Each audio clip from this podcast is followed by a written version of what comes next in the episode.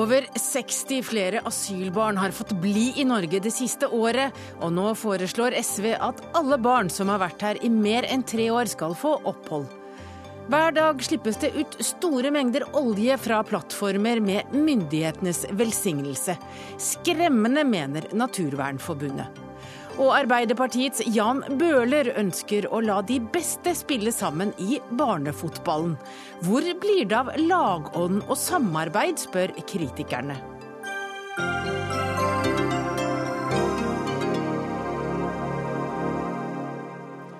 Ja, dette er noen av sakene i kveldens Dagsnytt 18.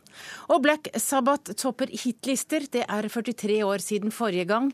I går rocka Rod Stewart hele Frognerbadet, og Bob Dylan er på vei til Norge. Og vi spør hva er det med de gamle rockerne? Velkommen til Dagsnytt 18. Jeg heter Hege Holm, og aller først i denne sendinga skal vi snakke om barn på flukt. For det har gått nå ett år siden stortingsmeldingen om barn på flukt ble presentert. Og i dag kom Utlendingsnemndas rapport som viser hvilke konsekvenser dette har fått for asylbarna. Og da har vi med oss deg, direktør i Utlendingsnemnda, Ingunn Sofie Aursnes. Rapporten dere har laget viser at 66 flere asylbarn har fått bli i Norge som en følge av denne stortingsmeldingen. Hva er det som har skjedd? Vi har tatt denne stortingsmeldingen for det den var ment å være. En, et hjelpemiddel for oss når vi skal avgjøre sakene, eller når våre beslutningstakere skal avgjøre sakene. Vi betrakter det som en rettskilde som vi anvender når vi avgjør sakene. Og I denne stortingsmeldingen så ga regjeringen ganske så tydelige meldinger om hva som skal regnes som sterke grunner for ikke å gi opphold, og hva som er mindre sterke grunner til å gi opphold. Det vi snakker om som kalles innvandringsregulerende hensyn. Men dere har jo da endret praksis ettersom det er nå 66 flere barn som har fått bli. Hva er det dere veier tyngre nå enn det dere gjorde før? Nå må jeg først si at det er litt vanskelig å si om disse endringene nødvendigvis skyldes kun stortingsmeldingen. Det kan være andre variabler, andre ting i disse sakene som også har gjort utslag, slik at forholdsvis flere nå i de omgjøringene som er gjort siden meldingen kom, eh, har fått opphold. Det er eh, vanskelig å være helt konsis på hva som er årsaken. Men dere gjør jo andre avveininger ja, nå? Vi gjør andre avveininger fordi at eh, stortingsmeldingen så tydelig sier at det er en del forhold ved de lengeværende familiene som skal veie mindre som innvandringsregulerende hensyn enn andre forhold. Og dette skal jo alltid veies opp mot barnets beste. Det at barnets beste skal eh, hensyntas i disse sakene, det er det ingen tvil om, og det har det aldri vært noen tvil om. Det som ble klarere etter stortingsmeldingen, var at det er ulik vekt på de forhold som er aktuelle i den enkelte familie. Og Eksempelet er jo den familien som ikke gjør noe annet etter å ha fått avslag enn at de sitter stille, og bidrar selv til å avklare sin identitet og er på kjent sted.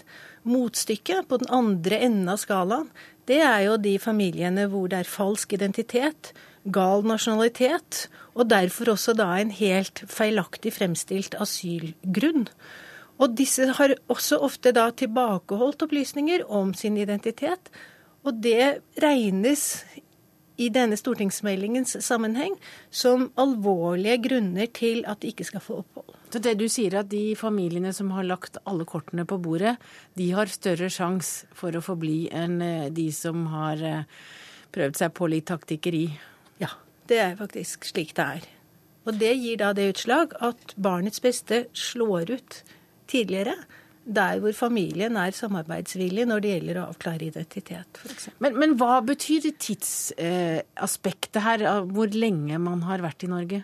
Tidsaspektet betyr mye.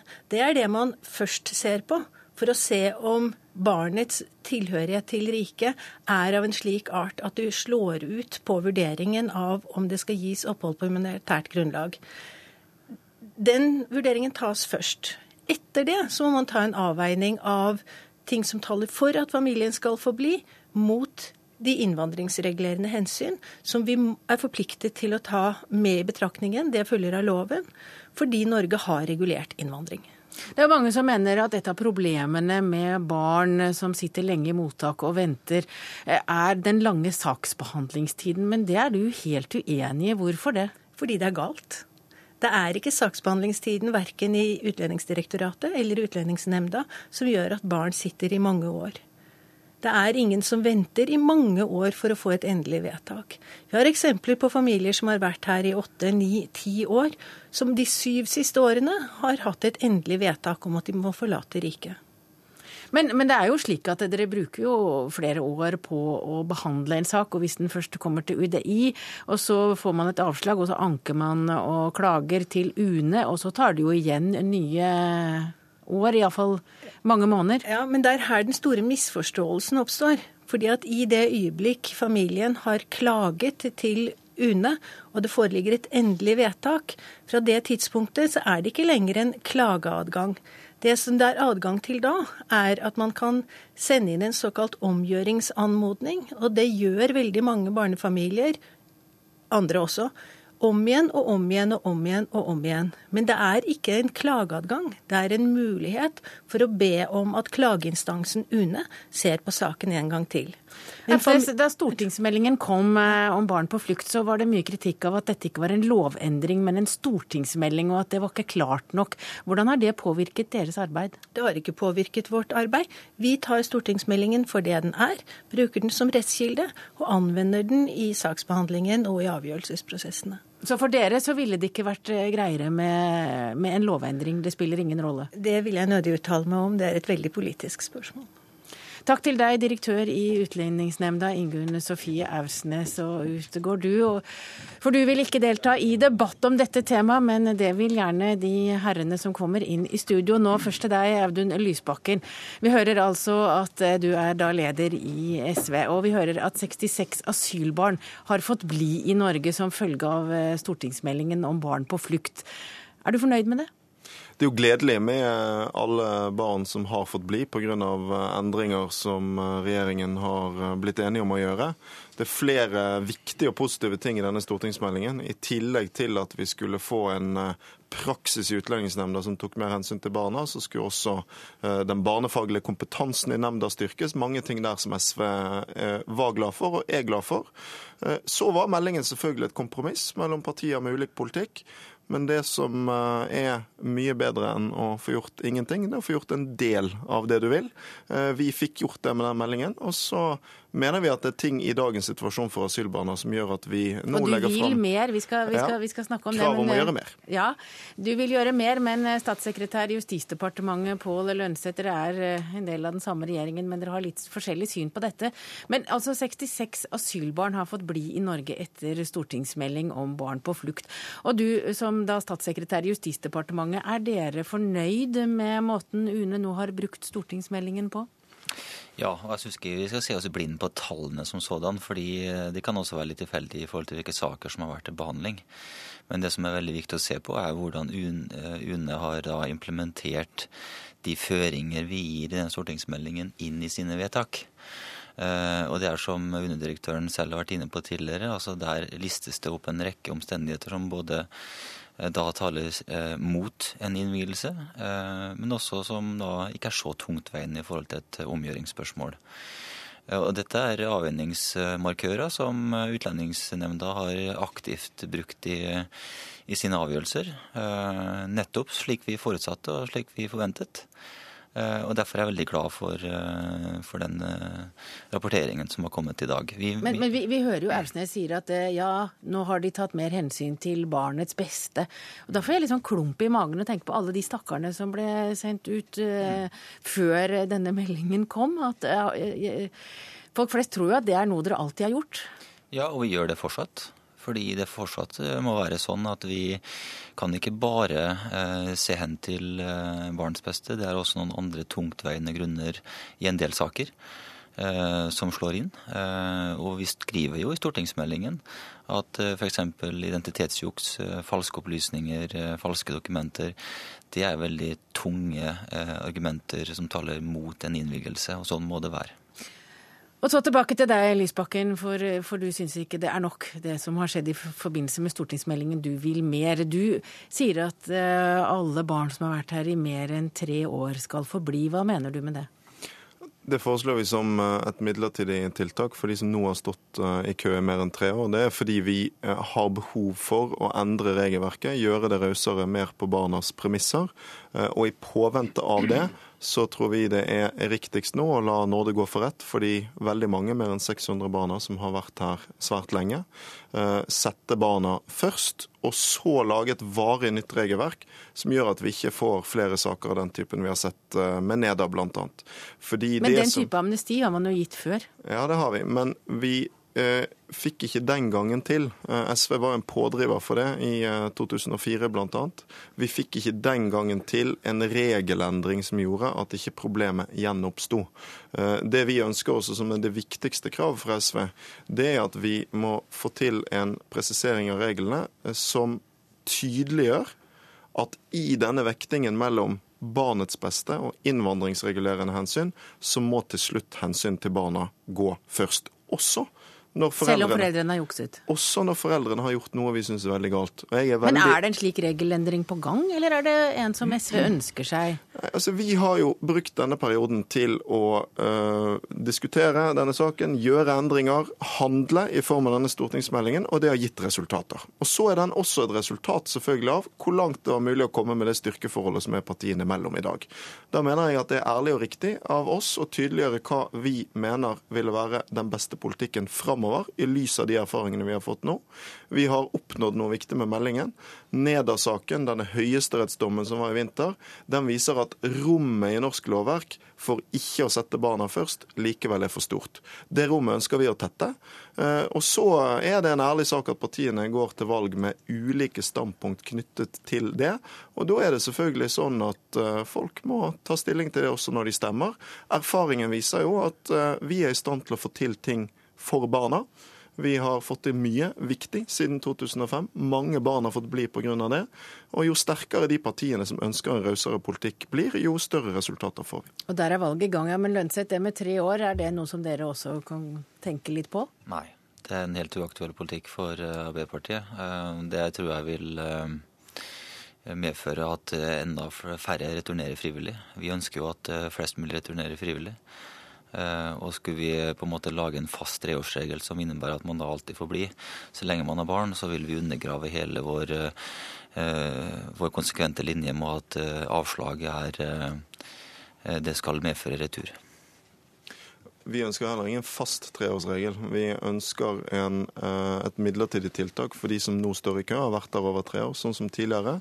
Og så ønsker vi en eh, presisering av dagens regelverk, en forskriftsendring, som slår fast at det må være sånn at på et tidspunkt så trår barnets beste eh, inn som et mer tyng, eh, tungt hensyn enn andre. Og Det tidspunktet må altså være lenge før ti år, sånn som vi nå har sett i lenge denne nedersaken. Vi er jo da inne nå på forskjellene i norsk politikk i dette temaet. Der har vi fått to forskjeller, men vi har også med oss innvandringspolitisk talsmann fra Høyre, Michael Tetzschner.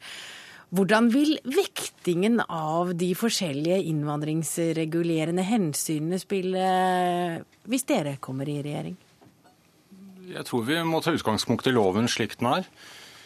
Og eh, Der ser ikke vi for oss eh, noe særlig behov. Det som skjer nå er ganske selsomt, nemlig at man ikke manner seg opp til å gjøre endringer i selve lovverket eller i forskriftene, men uh, lager et dokument som man kaller stortingsmelding, som da egentlig ikke inneholder noe vedtak, bare en del synsing fra Stortingets side, som ikke har den vekten som hvis man vedtar en lov. Men den har jo fått konsekvenser eh, allerede? Det er ikke sikkert. fordi du vet, eh, slik NOAS har sagt, så er ikke disse sakene helt sammenlignbare. fordi grunnen til at det kan se ut eh, ut fra en overfladisk vurdering som SV er interessert i å selge inn, det er at det er stor forskjell i hvor lang tid barna som har fått innvilget opphold nå, eh, gjennomsnittlig har vært der, i, i, i sammenlignet med, med, tidligere praksis.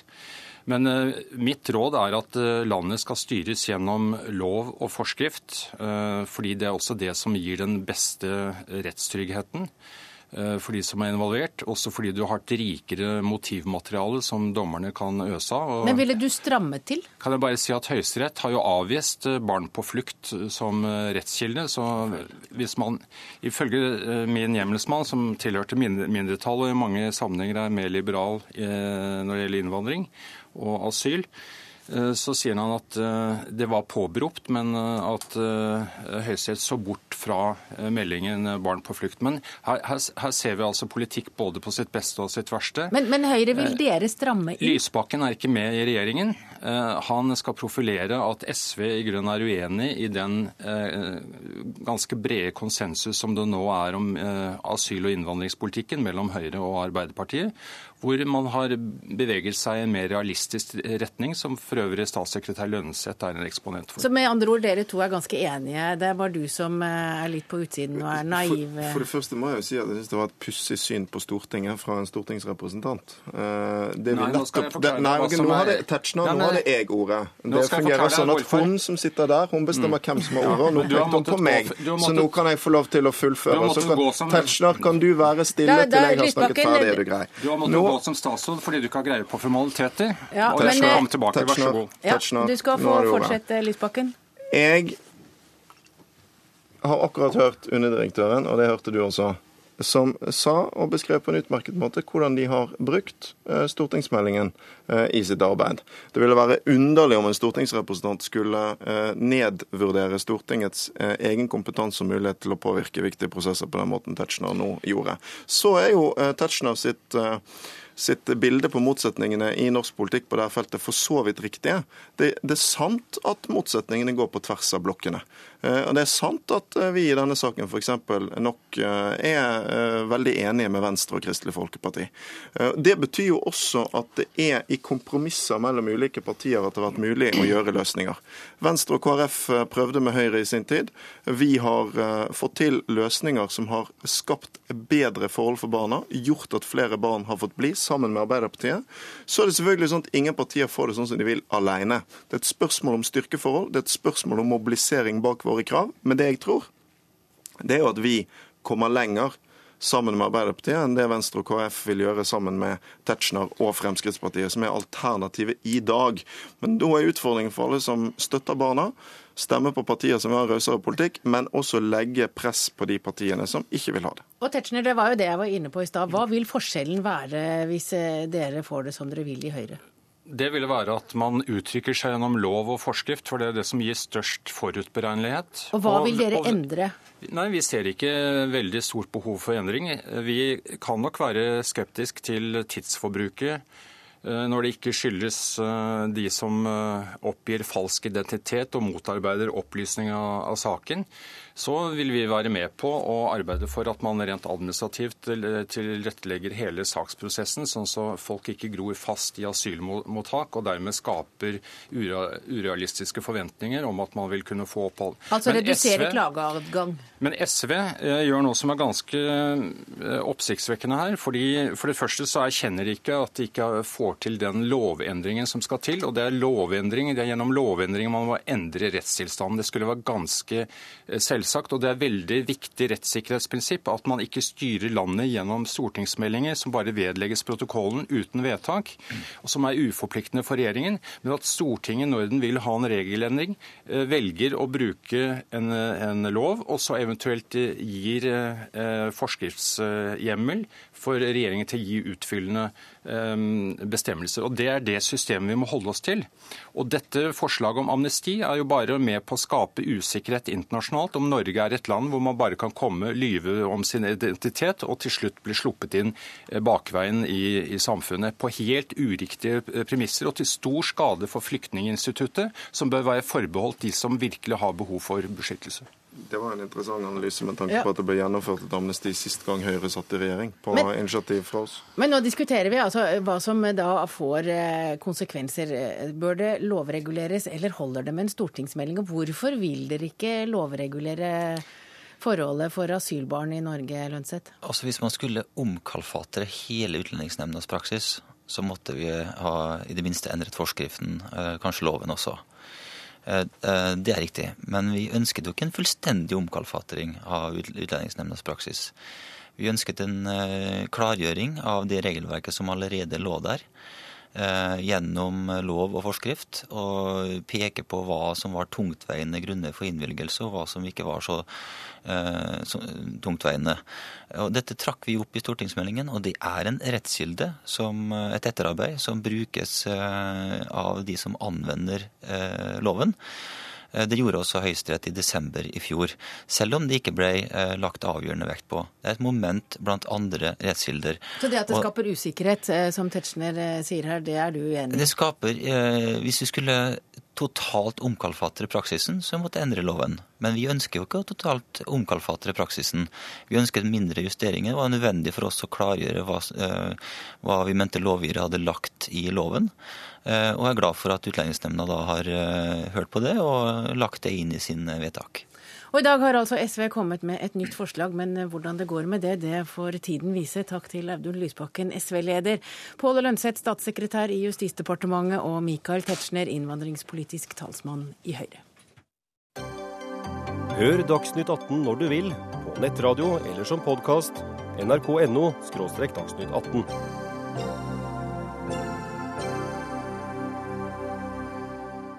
Da skal vi vende blikket ut i verden. For lederne for verdens åtte ledende industriland, de G8-landene, toppmøtet der er nå i gang i Nord-Irland. Det varer i dag og i morgen, og det forventes at Syria-konflikten kommer til å prege møtet.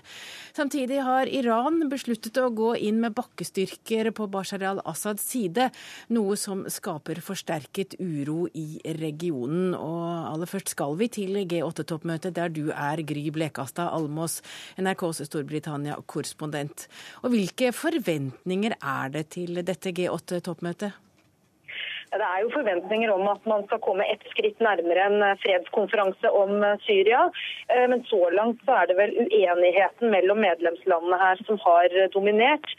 Med Russland på den ene siden som, som bevæpner Assads regime, mens USA bevæpner deler av opposisjonen, og andre land som da diskuterer å gjøre det samme. Nå skal det være et møte i kveld mellom Obama og Putin om Syria.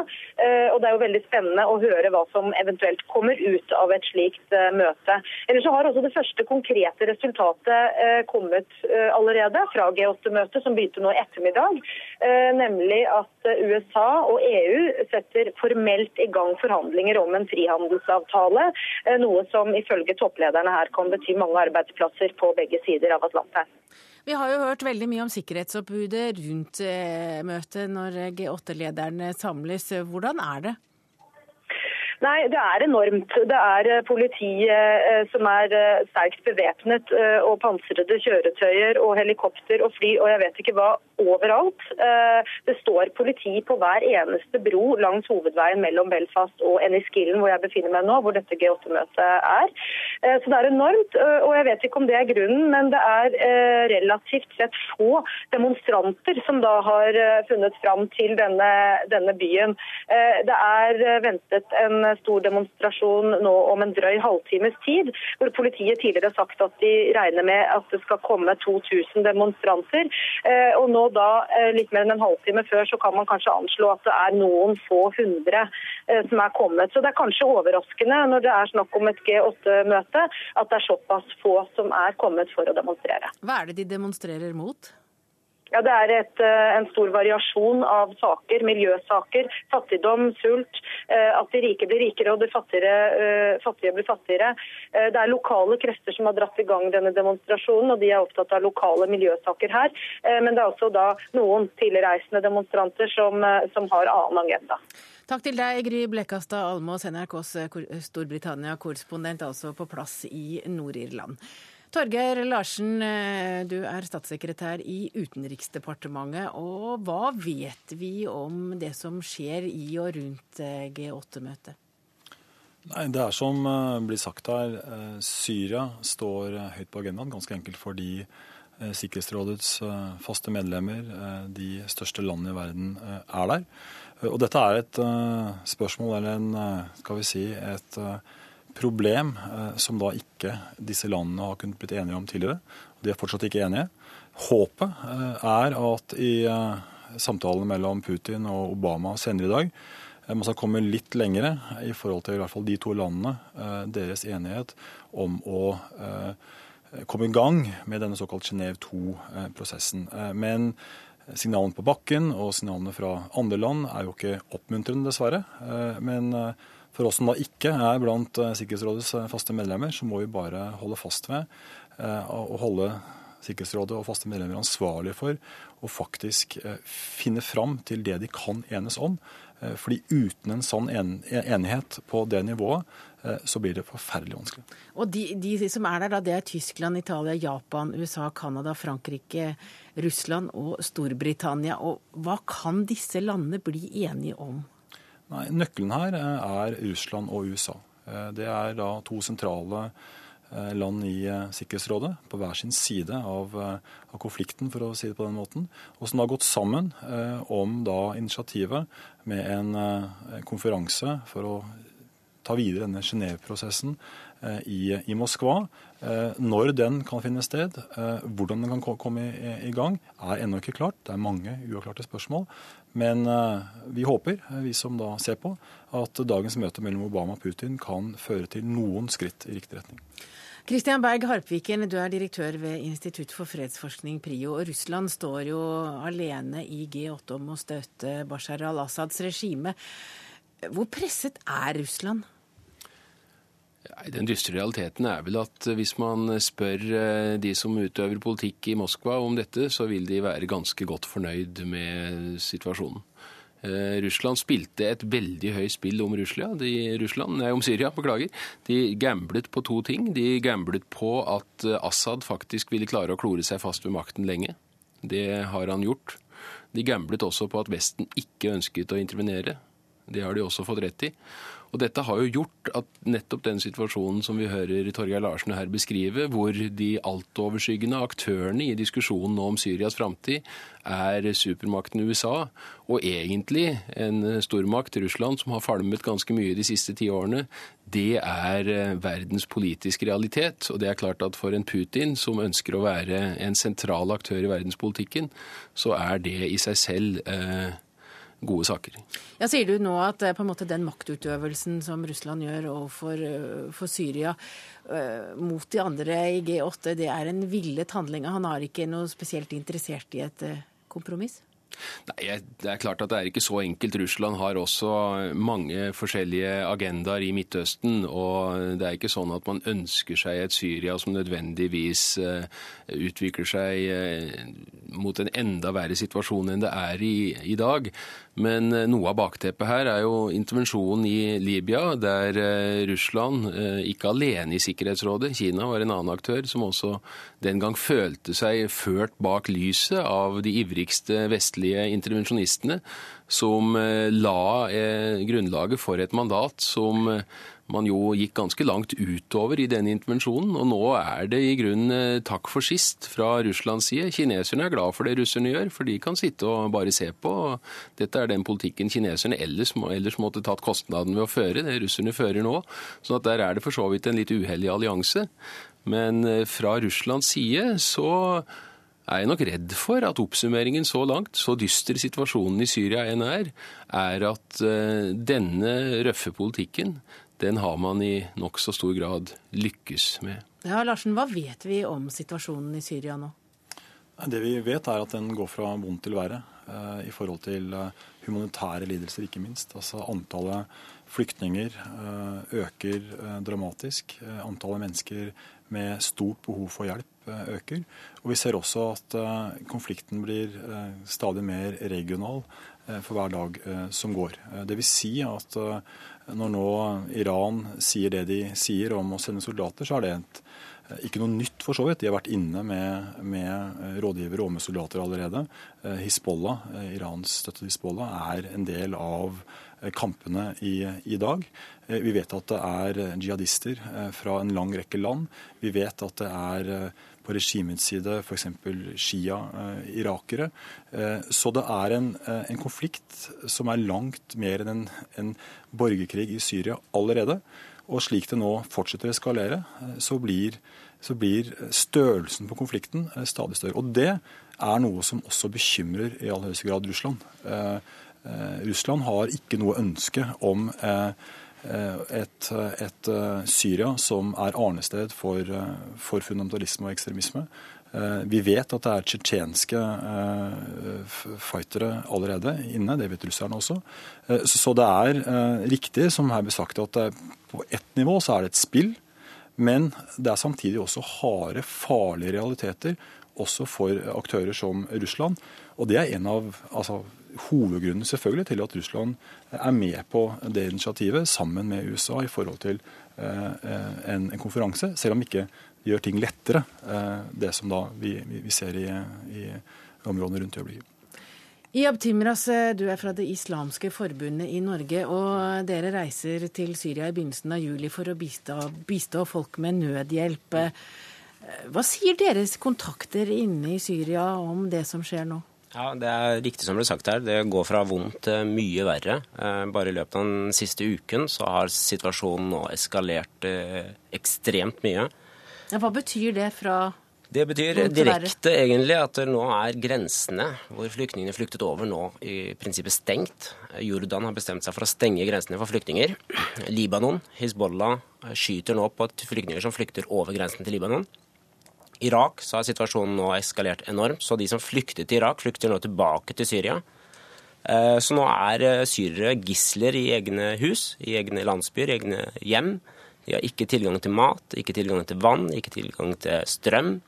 Jeg fikk en rapport fra FN for litt siden. Eh, vi har 1,5 millioner mennesker i forstadene til Damaskus som ikke får tilgang til noen form for hjelp. Mat, legemidler, alt er sperret.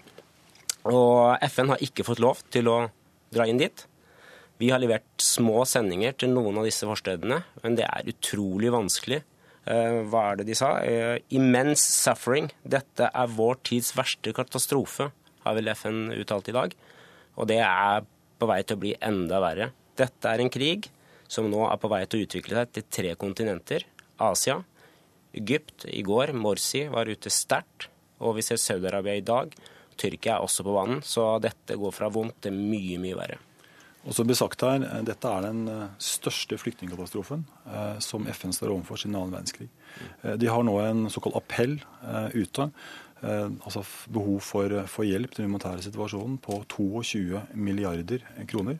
Det, så stor appell har verden aldri eh, sett. Vi fra norsk side eh, vi har i dag gått ut og tømt det vi har igjen av reserver på våre humanitære budsjetter. Nye 150 millioner kroner. Det er helt unikt at vi midt i et år Eh, tømmer våre humanitære eh, budsjetter eh, med de midlene vi har med bevilgede budsjetter. Men det er for å, å møte den, for det vi kan bidra til i den situasjonen som er. Utenriksministeren drar til Jordan på uh, onsdag og torsdag. Da er det verdens flyktningedag. Uh, drar til sammen med UNHCRs flyktningkommissær. Eh, for å markere den dagen. Og, og det er, ifølge da eh, tallene fra, fra, FN, vi kan stå overfor en situasjon om et halvt år der vi har mellom tre og fire millioner syrere uh, utenfor uh, grensene som har, som har, flyktet, og enda flere internt uh, fordrevne, som blir beskrevet her. Og Det er en helt prekær situasjon. Timrat, dere kommer dere inn i Syria. Det er det ikke så veldig mange hjelpeorganisasjoner som klarer. Mm. Hvordan gjør dere det? Vi har et godt nettverk i Syria. Vi har godt samarbeid med den tyrkiske staten, som hjelper oss inn. Vi jobber med alle parter inne. Vi får tilgang til områder andre ikke får tilgang til. Eh, vi har fått tilgang til noen av disse forstedene i Damaskus, hvor FN nå blir nektet tilgang. Men klart, det er et krevende arbeid. Det endrer seg fra dag til dag. Nå har du plutselig tre parter å forholde deg til. Du har eh, iranske soldater som nå er i hele divisjoner. Eh, du har Hizbollah som nå har sendt sine soldater dit. Og så har du regimesoldater. Og på den fjerde siden så har du opposisjonen. Så det, er, det blir mer og mer komplekst og vanskeligere og vanskeligere. Vi har nå minst fem millioner barn inne i Syria, bare barn som er flyktninger som lider, som ikke får hjelp. Eh, helt basic hjelp. Det er jo i prinsippet 23 millioner mennesker som er rammet av denne krigen på en eller annen måte inne i Syria. Så situasjonen er helt uh, uholdbar. Og Da må jeg spørre deg, Kristian Berg Harpviken. Eh, du er ikke politiker, og du driver ikke med hjelp. Du er derimot forsker i fred. Hva kan løsningen bli? Nei, Jeg tror det kritiske spørsmålet nå det er jo rett og slett å klare å å få partene i tale. Og for å få partene i tale, så er man jo faktisk avhengig av at man har noen som representerer partene. Det sliter man med. Eh, motstandsbevegelsen er veldig sammensatt, preget av motsetninger som bekymringsfullt nok i større og større grad tar et eh, sekterisk preg.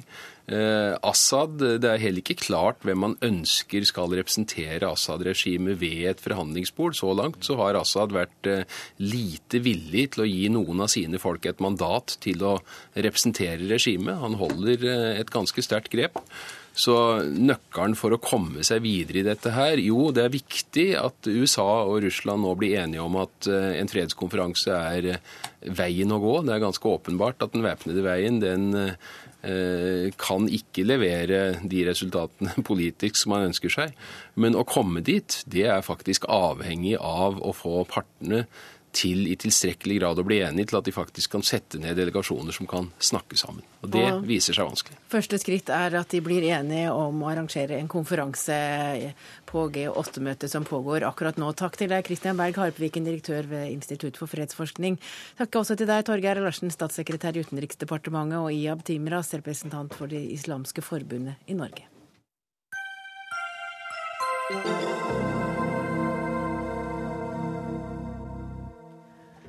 Store mengder olje slippes ut i sjøen fra en rekke oljeplattformer på norsk sokkel. Det skriver Dagsavisen i dag.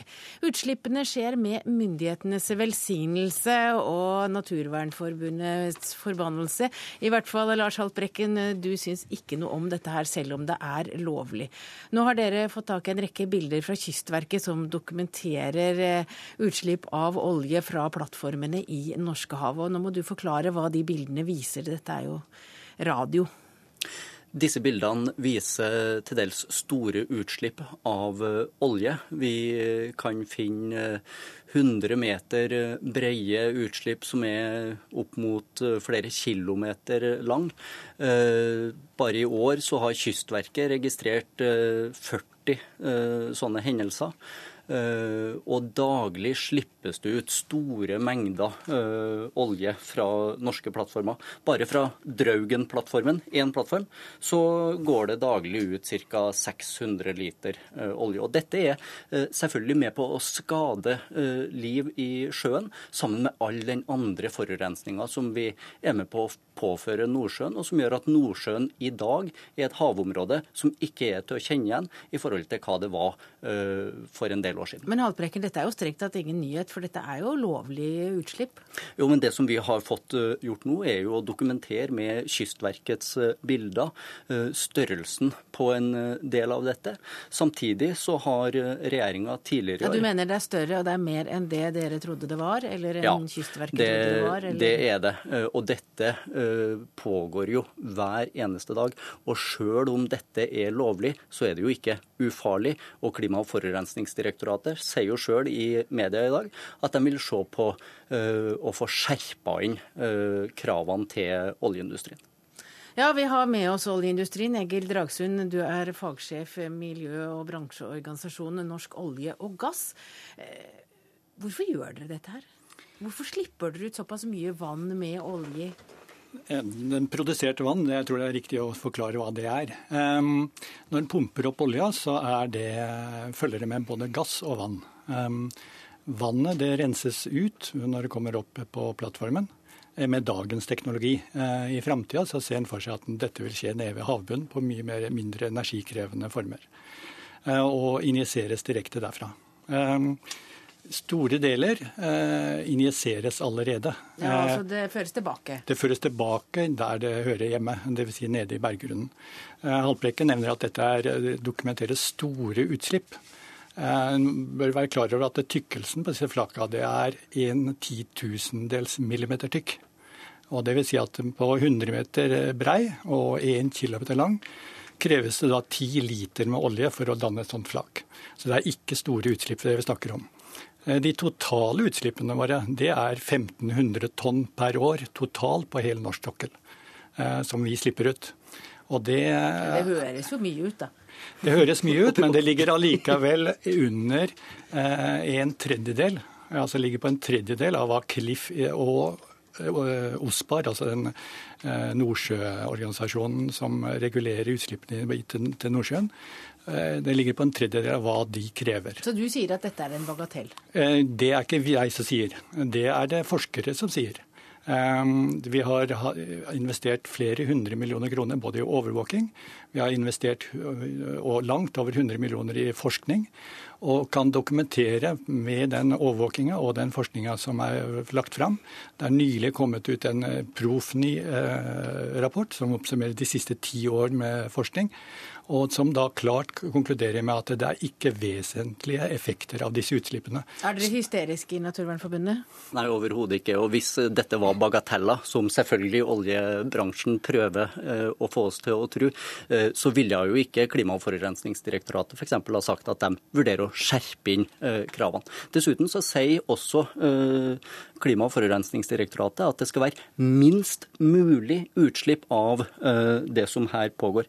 Og så kan vi vi også tenke oss at hvis noe tilsvarende, et tilsvarende stort oljeflak har blitt observert etter et lasteskip, så kan vi være sikre på at det hadde blitt tatt i havn, øh, og øh, den saken hadde blitt forfulgt. Men her har man utslipp kontinuerlig, hver dag, eh, året igjennom. Og det er klart at sammen med all den andre påvirkninga som vi eh, gjør i Nordsjøen eh, og på norsk sokkel, så har dette betydning for livet i havområdene. Og det vi spør oss om, er jo om det er denne behandlinga vi nå skal gi Lofoten og de områdene i Barentshavet som, som man ønsker å åpne. Vi har ikke med oss Cliff, for de kunne ikke i dag, men vi har derimot med oss Audun Garberg, og du er politisk rådgiver i Miljøverndepartementet. Har eh, Haltbrekken rett i det at hvis dette kom eh, i forbindelse med et skip, så hadde dere slått eh, alarm, alarm? Ja, altså nå er, nå er, jo målet å få utslippene ned mot null. Eh, la det ikke være noe tvil om det. Men så er jo også det her eh, altså utslipp eh, til vann fra sokkelen, plattformer på sokkelen, et veldig høyt prioritert område. Hvor vi har hatt en offensiv politikk, og hvor vi gjennom krav til operatørene har klart å redusere utslippene kraftig. Men så er det også fint at Naturvernforbundet tar opp denne debatten. Det viser jo at vi fortsatt har en jobb å gjøre. Og Vi har også vært i kontakt med Klima- og forurensningsdirektoratet i dag. Det er jo dem som har den daglige oppfølginga av bransjen på dette området. Eh, og De sier at de vil gå gjennom nå de tekniske mulighetene for ytterligere reduksjoner, og også behovet for å styrke reguleringa av bransjen. Ja, ble dere også overrasket når dere så bildene fra Kystverket i avisen i dag? Det er klart det ser jo ikke bra ut, sjøl om det skal veldig lite olje til for, å, uh, for at det uh, ser, uh, vises godt på et sånt bilde. Men det er klart vi er også fornøyd med at Klima- og forurensningsdirektoratet nå vil gå gjennom mulighetene for ytterligere utslippskutt her. Og vil følge opp det fra Miljøverndepartementets side også. Men er det mulig med nullutslipp? Altså, Det er helt klart at vi kan forbedre oss. Eh, det som er målet, er jo å komme eh, ned til null, eh, eller så nært null som mulig. Og så vil det av og til være tungtveiende tekniske eller sikkerhetsmessige forhold som gjør at man ikke kommer helt ned dit. Men, men vi ser jo at vi har mulighet til å forbedre oss og komme ned fra dagens nivå. Ja, Dragsund, her hører du miljøvernmyndighetene. De likte ikke det de så av bilder fra Kystverket i dag, de heller? Det burde ikke være ukjent, i hvert fall, for dette er bilder som vi er med å betale for. og som Både fra satellitter og fra flyovervåking, og som har vært distribuert til, eh, via Kystverket til Cliff i lang tid. Men er det mulig å komme helt i null? Helt i null er det ikke mulig å komme. Eh, det, det større rensing og større tiltak enn vi gjør på vannsida. Dette vil da medføre økt energiforbruk, og det vil da medføre økt eh, utslipp til luft. Nullutslipp er ikke mulig, og det er heller ikke ønskelig. Altså, Vær klar over at eh, det som slippes ut, det som er eh, det vesentlige der, er hvilke effekter er det det har i miljøet. Og når eh, Haltbrekken nå gjentar at dette har store eh, konsekvenser, så må han være i stand til å dokumentere det med faglig grunnlag. Altså Det må refereres til forskere, og det må refereres til eh, overvåking. Vi har en lang overvåking som går helt tilbake til 73 på denne utslippene. Og vi kan dokumentere at utslippene fra begynnelsen av 90-tallet var effektene redusert til noen titalls meter, 100 meter, fra plattformene. Spesielt gjelder dette vannsøyleovervåkinga. Ja, kan du dokumentere det du sier at det er skadelig? For en god del år siden så var Nordsjøen et rikt havområde hvor torsken var omtrent like stor som den torsken vi i dag eh, fanger i Barentshavet. Så har vi mennesker eh, gjennom eh, flere år bidratt til mye forurensning i Nordsjøen. Det har vært landbruket, det har vært overfiske, det har vært andre utslipp. Og vi har også hatt 40 år med oljevirksomhet. Og det er klart at dette til sammen har gjort at vi har fått et havområde som vi knapt nok er i stand til å kjenne igjen.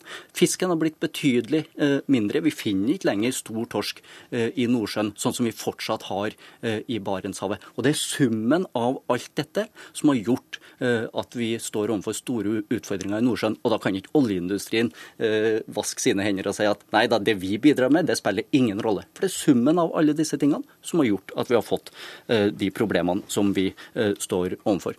Så ja, vil du må bare... nesten la, det, la uh, oljebransjen få uh, en liten kommentar ja, til det. Ja, for her er det veldig god forskning. Vi tvinger fisk som står i bur bare noen titalls meter fra utslippene våre. Vi har laboratorieeksperimenter med fisk som går og svømmer rundt i dette vannet i, inntil et helt år. Og det er en helt unaturlig situasjon. På disse fiskene finner man ikke effekter som man kan tilbakeføre til noe av det Haltbrekken her påstår. Og mer Så... enig tror jeg ikke dere blir i kveld. Takk til deg, Lars Haltbrekken, leder i Naturvernforbundet, Egil Dragstuen, fagsjef i miljø- og bransje, i, i bransjeorganisasjonen Norsk gass og olje, og Audun Garberg hadde vi med oss på telefon, politisk rådgiver i Miljøverndepartementet.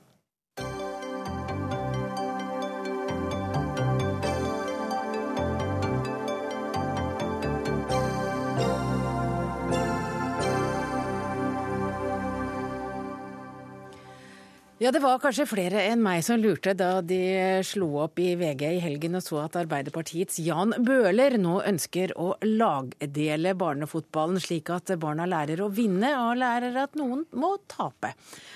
Bøhler har sett seg lei på at idretten ikke er mer åpen for konkurranse, og nå ønsker han at Fotballforbundets regelverk endres. Og Bøhler, du er her i studio. Du er stortingsrepresentant for Arbeiderpartiet, og nå må du forklare oss eh, hvordan du har fått denne fikse ideen om at du vil ha mer lagdeling. Det er ikke noe fiks idé, det. Det er vel noe som veldig mange eh, er opptatt av, som driver med, med idrett lokalt i fotballag. Og vi har snakket mye om det bl.a. på Grorud, om at eh, de barna som spiller fotball, de vet hvem som har gode ferdigheter, hvem som kanskje ikke er så gode. Og de er opptatt av å vinne kampene sine. Og så har jeg sett veldig mange eh, fotballkamper nå for 9, 10, 11, 12-åringer hvor de som er eh, ikke så gode, da, eh, hvis de er på banen, får ballen lite, blir stående passive. Og, og også er det ofte sånn at de kan føle seg litt sånn lite Det er lite populært at de spiller så mye. Og så skal de spille en del i henhold til reglene, og så kan det føre til at de trekker seg ut av hele fotballgruppa. Så vi ser jo veldig stor forskjell at noen eh, klubber er, eh, de greier å holde på de som ikke er så gode, og får veldig, veldig sammensatt lag på den måten. Mens andre klubber ikke holder på dem, og får eh, lag som er mer, i realiteten mer toppa. Så her vil du allerede tidlig i løpet dele inn i A, B og C-lag? Kunstige måter å, å nå få med de som ikke er så gode på. Så det jeg er opptatt av, er å at det, jeg tror det systemet vi har nå virker noe mot sin hensikt. At de som ikke er så gode, ikke får spille så mye, og i hvert fall ikke får ballen så mye. Og at vi bør eh, få en viss nivådeling hvor, eh, hvor man har mer like ferdigheter og får delta mer. Sånn at det er ikke snakk om, eh, snakk om å liksom nå først og fremst ta hensyn til de aller beste. Det er snakk om hvordan gjøre at også de som ikke er så gode, får delta for fullt. At sinken ikke skal føle seg mer enn sikker. Men når utenfor, vil du begynne med denne nivådelingen? Nei, det kan jo være i hvert fall altså Nå er det først på 13 år at man får lov til å ha eh, forskjellige nivåer på lagene. Og jeg syns det blir kunstig at man ikke kan begynne med det i 10-11-12-årsalderen. Eh, Men det eh, syns du, Torbjørne Olsson, du er samfunnsviter, konsulent og debattant og opptatt av dette temaet. Du syns ikke noe om Bøhlers forslag. Hvorfor det? Nei, For det første så er det jo en fiffig vinkling Bøhler nå kommer med. Jeg har ikke hørt den varianten tidligere. Nemlig at det er av hensyn til de svake at en skal begynne å spisse tidlig. Eh, jeg kan jo mistenke at det er en annen agenda som ligger bak dette. Men jeg er bekymra i et samfunn som blir stadig tøffere. Det er større krav som stilles til stadig yngre barn. Vi har påvist mer stress blant barn og unge. Og dette henger jo helt klart sammen med at vi har økt konkurranse på mange andre samfunnsarenaer òg. Eh, resultatet ser vi jo i andre enden, hvor vi har bl.a. en økt utstøting fra arbeidslivet, og det blir tøffere der òg. Eh, noe av det som har kjennetegnet det norske samfunnet fram til i dag, og som fortsatt er et klart trekk ved samfunnet, det er jo nettopp det at en lærer å sette pris på mangfold, variasjon, teamarbeid, samarbeid osv. Dette er solide, gode norske verdier som er en suksesshistorie òg internasjonalt. Og jeg er på vakt når denne type argumenter kommer fra, fra, spesielt når det kommer fra sånne som Jan Bøhler, som jeg har antatt tidligere sto for noe annet. Ja, Bøhler, det jo du, du, Det du sier, det høres jo ut som det er de flinke. De vil gjerne vinne, og de vil bli bedre. Altså, alle som spiller fotball, er eh, opptatt av å vinne fotballkamper. Og så er det kanskje mer eh, moro også for de som ikke er så gode, å få lov til å være med å vinne og føle at de yter for fullt. Og spille mer på, eh, med spillere som er på sitt nivå. Å være fullverdige spillere, vinne kamper og kunne juble over det og moro, være, ta sin del av æren for det. Jo, det skal være moro. Og det er ikke moro å bli stående i et hjørne på banen og aldri få ballen. Og Det er det som skjer for mye nå, når du har for kunstig, eh, et for kunstig krav om at alle skal spille like mye, og at eh, man skal eh, ha alle, uansett hvor gode eller dårlige de er, på, på samme laget, samme hva. Og det blir en litt sånn kunstig setting for idrett. Det er jo også, og skal være en viss spenning. Man skal lære å vinne og tape med samme sinn. Og det skal være, være en motivasjon i, i, i, det også, som jeg tror forsvinner hvis man gjør for mange kunstige grep om hva som ikke er lov og lov, altså spiller fotball på idealtid, som jeg har kalt det. Ja, Olsson, er det ikke like greit å lære det med en gang, at noen vinner og noen taper? Uh, det tror jeg ungene lærer tidlig nok som det. Uh, fotballens store utfordring er at en tidlig på, på 1980-tallet vedtok målsettingen om at den skulle være en idrett for alle. Slagordet 'fotball for alle' ble etablert. Og faktisk har jo fotballen lykkes med det. De aller, aller fleste barn og unge er innom fotballen som en fritidsaktivitet på vei mot voksenlivet. Det gjør òg at fotballen er en spesiell situasjon som verdiformidler det norske samfunnet. I en fullstendig særstilling sammen med de fleste andre idrettsgrener.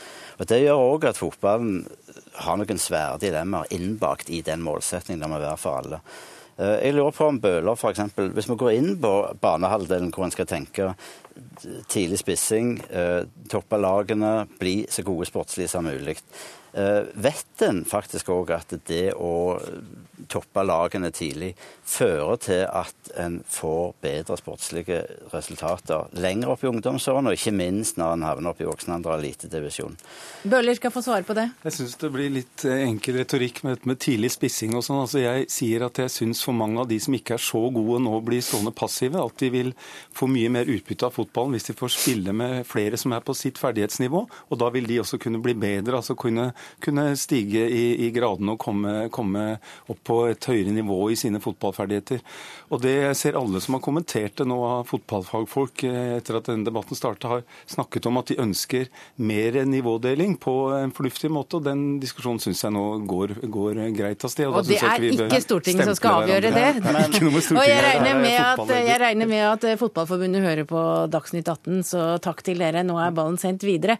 Takk til Jan Bøhler, stortingsrepresentant for Arbeiderpartiet, og Tor Bjørn Olsson, samfunnsviter og konsulent og opptatt av tema.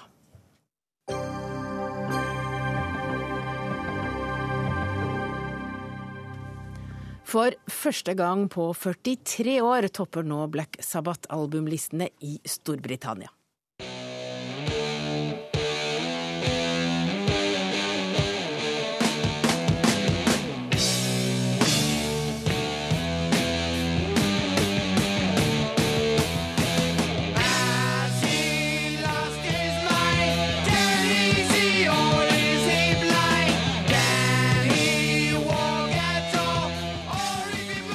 Her hørte vi dem, Black Sabbath, Iron Man, og som de som ser eh, Dagsnytt 18 på NRK2 forsto, så vakte dette sterke minner hos eh, han som deltok i forrige sak, og han som kom inn i studio, nemlig deg, Arild Rønsen. Du er eh, musikkskribent, og jeg kan vel kanskje si litt nyfrelst eh, Black Sabbath-fan? Ja, det er kanskje, du, du, bør kanskje ikke si akkurat det, men, men Black Sabbath har eh, etter 43 år gitt ut en vanvittig bra plate. Og det står det jo respekt av, da. Ja, Er det plata i seg sjøl som er så god at eh, de nå blir kjøpt av mange briter og også havner høyt på VG-listene? Ja, det er en suverent bra plate. Men, men det har jo selvfølgelig også sammenheng med at Ossie Osborne er den han er. Altså at han har brettet ut hele familien ja, hvem, og hele familielivet? Ja, ja, alle har sett den på TV. Til og med du har sett den på TV, tror jeg, uten å være interessert i rock'n'roll. Men, men, men det er jo noe med hele altså hvis, det, hvis det er et par mennesker her i livet som skulle legges på litt på rad eller noe sånt, og at vi ser hvordan det er mulig, så er det jo også Osborne og, og Keith Richards i Rolling Stones. For de har jo er, Ifølge legemedisinen så er det jo umulig å overleve sånn som de har gjort. Men oss er greiere, og de har gjort eh, laga skikkelig bra plate. Og den siste LP-en til, eller eh, CD-en, eller hva det nå er, til Black Sabbath, den holder helt mål og, og selger godt på listene. Men, men, da jeg sa det til deg, så sa du vel, ja, men hvem er det som kjøper musikk i butikkene nå til dags? Det er helt riktig, fordi at også, altså, salgslistene per i dag eh, ljuger jo litt. Fordi at det som er de virkelige salgslistene, det er jo det som fins på strømmingstjenester. altså det som vi i Norge flest da, har Vimp eller Spotify. Og de finnes jo ikke. Altså, de, registreres ikke på de salgslistene. Og ungdommen hører jo bare på strømmingslister. Så det er ikke, det er ikke gitt at Black Sabbath er uh, nummer én på uh, hva, hva, ungdommen hører på, og hva, altså, den totale salgslista.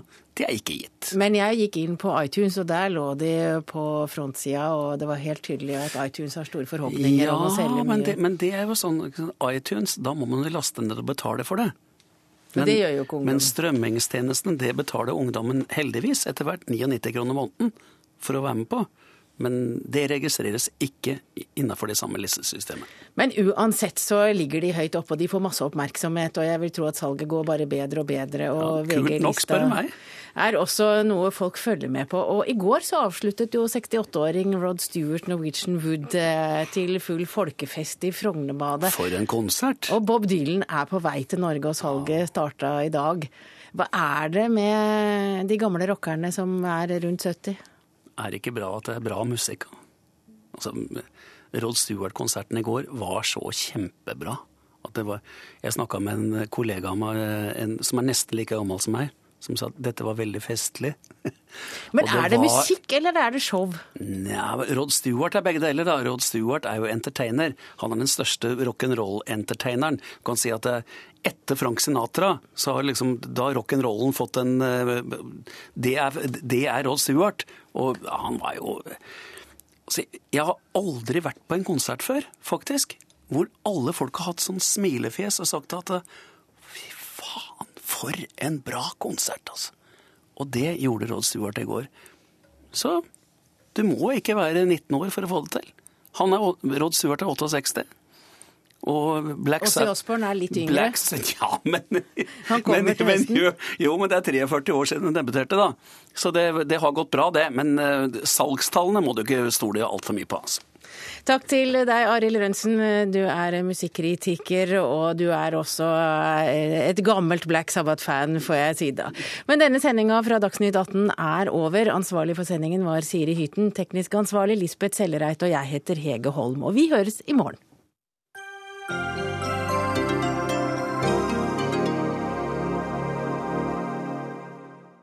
Hør flere podkaster på nrk.no podkast.